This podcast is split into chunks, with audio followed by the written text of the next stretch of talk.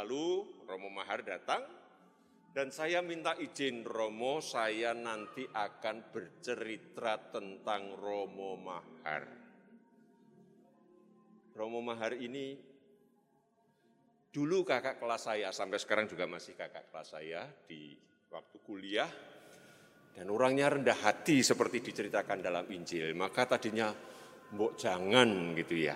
Tetapi karena hari ini hari Minggu misi, maka saya minta permisi dan diizinkan. Yang mau saya sampaikan tentang Romo Mahar itu beliau pernah bertugas selama hampir 30 tahun di kira-kira di mana? Thailand. Nah, tahu tahu ada yang tahu. Romo, Romo Mahar sejak sesudah selesai kuliah di Jakarta, lalu selama 30 tahun menjadi misionaris di Thailand. Jadi misionaris bagi anak-anak sekarang tentu tidak bisa membayangkan, tetapi lalu kita bisa lewat contoh kehadiran Romo Mahar, saya akan menceritakan bagaimana seorang misionaris itu berkarya. Kalau kita lihat di kanan kiri gereja ini, di atas ini, ada lukisan-lukisan. Sebelumnya gereja ini warnanya putih. Putih, di sini juga putih. Karena apa? Dulu dikenal orang Katolik itu gerejanya para misionaris itu menjaga kebersihan. Maka putih. Seperti juga yang rumah sakit Panti Rapih itu juga belum lama menjadi lebih berwarna-warni. Yang bertugas di tempat ini semula adalah para pastor bruder dari Belanda, maka sangat disiplin. Dan kedisiplinan itu antara lain diperlihatkan dengan warna, dengan tembok, dengan kursi seperti ini. Ketika kemudian hadir pastor-pastor lain, ada yang dari Jerman, ada yang dari Austria, maka suasananya tidak melulu suasana warna Belanda, suasana disiplin yang bersih.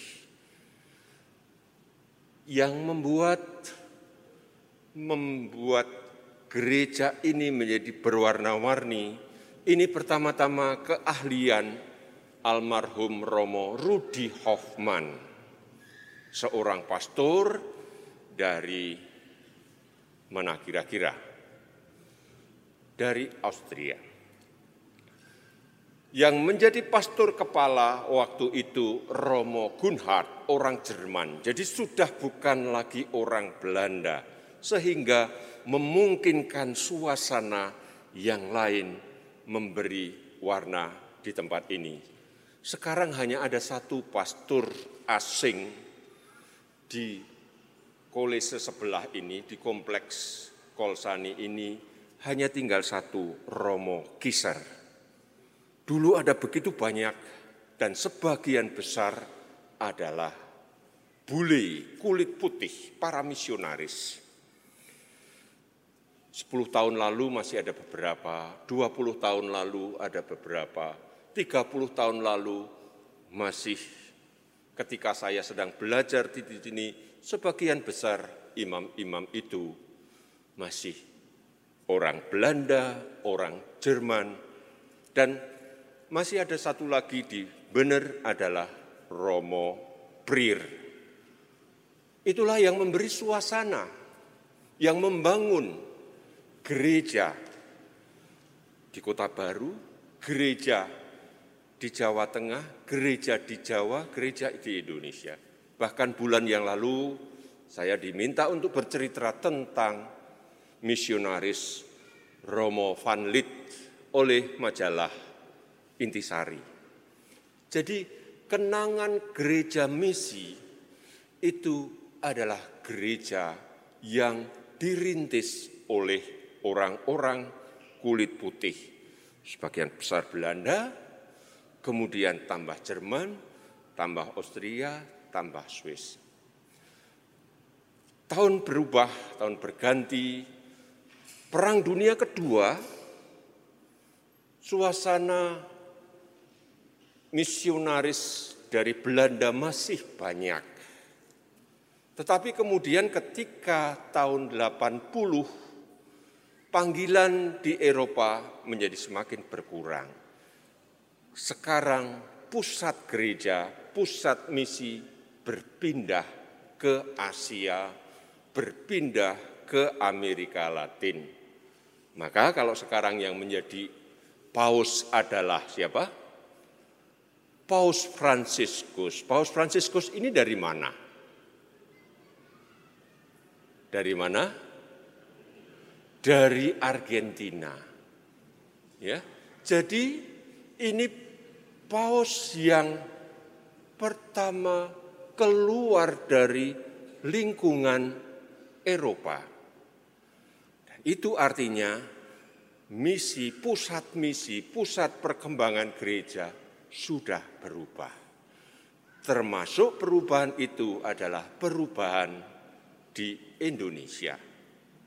Dan salah satu pelakunya ada di paroki, ada di gereja kita. Romo Makarius Maharsono Probo yang 30 tahun menjadi misionaris di Thailand. Kalau tidak ditanya Romo Mahar pasti tidak bercerita, maka saya tadi minta izin dan silakan. Nanti Romo Mahar diminta untuk banyak bercerita dan juga untuk membagikan pengalamannya supaya kita mengenal bahwa yang dimaksud dengan gereja misi adalah gereja yang diutus. Dulu berkembangnya dari Eropa diutus ke seluruh dunia, termasuk ke Indonesia. Sekarang sudah berganti. Nah, kemudian untuk anak-anak muda ini, kalau itu sekarang juga, apakah saya termasuk orang yang dipilih dan diutus? Tadi diminta kita berdoa untuk munculnya para misionaris dari Pangurki Kota Baru ini. Ada dua yang menjadi pelindung misi. Santo Franciscus Saverius, siapa yang permandiannya Santo Franciscus Saverius? Angkat tangan. Ada enggak ini? Enggak ada yang permandiannya Franciscus Saverius. Oh ada satu,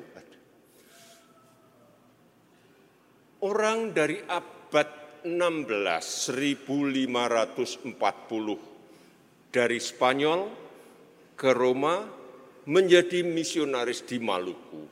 Lalu namanya dikenang. Seorang yang gagah yang kemudian berkarya keliling dunia.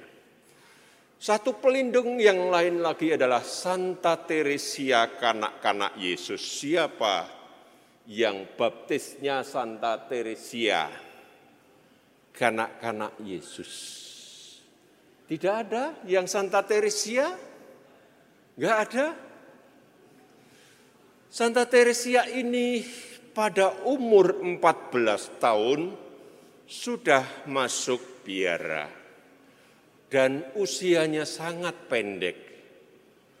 23 tahun sudah meninggal jadi hanya sembilan tahun menjadi suster. Tidak pernah keluar dari biara di Perancis, tetapi kemudian juga menjadi pelindung dan patron para misi.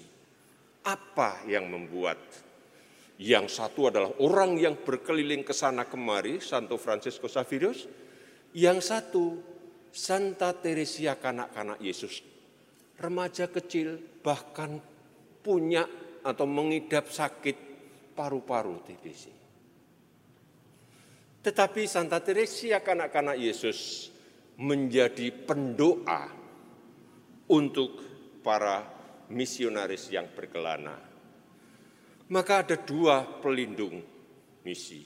Yang satu yang berkeliling mewartakan Injil kerajaan Allah, yang satu yang menjaga dan mendorong dan memberi kekuatan dengan semangat doanya. Saya kira ini bisa menjadi bagian dari pengenalan kita tentang gereja sebagai misi, tetapi sekaligus juga kita hayati dalam hidup kita, dan kita nanti juga bisa bertanya kepada Romo Maharsono yang mempunyai pengalaman sedemikian banyak untuk semakin memahami gereja yang menjadi misi. Lalu apa hubungannya dengan Injil kita yang kita dengarkan hari ini? Apa hubungannya? Bacaan-bacaan mengemukakan bermacam-macam tentang wajah, bermacam-macam tentang kehadiran Allah. Dan itu ditangkap oleh berbagai macam orang dengan segala macam profesinya kita dengan profesi kita yang begitu beragam tentu mempunyai pengalaman akan Allah.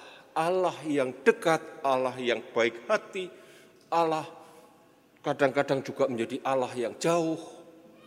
Itulah wajah Allah. Maka kita diajak untuk rendah hati, meminta mengalami Allah itu supaya kita menjadi bagian dari gereja yang menjalankan misinya. Kita lanjutkan perayaan Ekaristi ini dengan segala permohonan kita, dengan segala syukur kita. Amin. Dalam nama Bapa dan Putra dan Roh Kudus.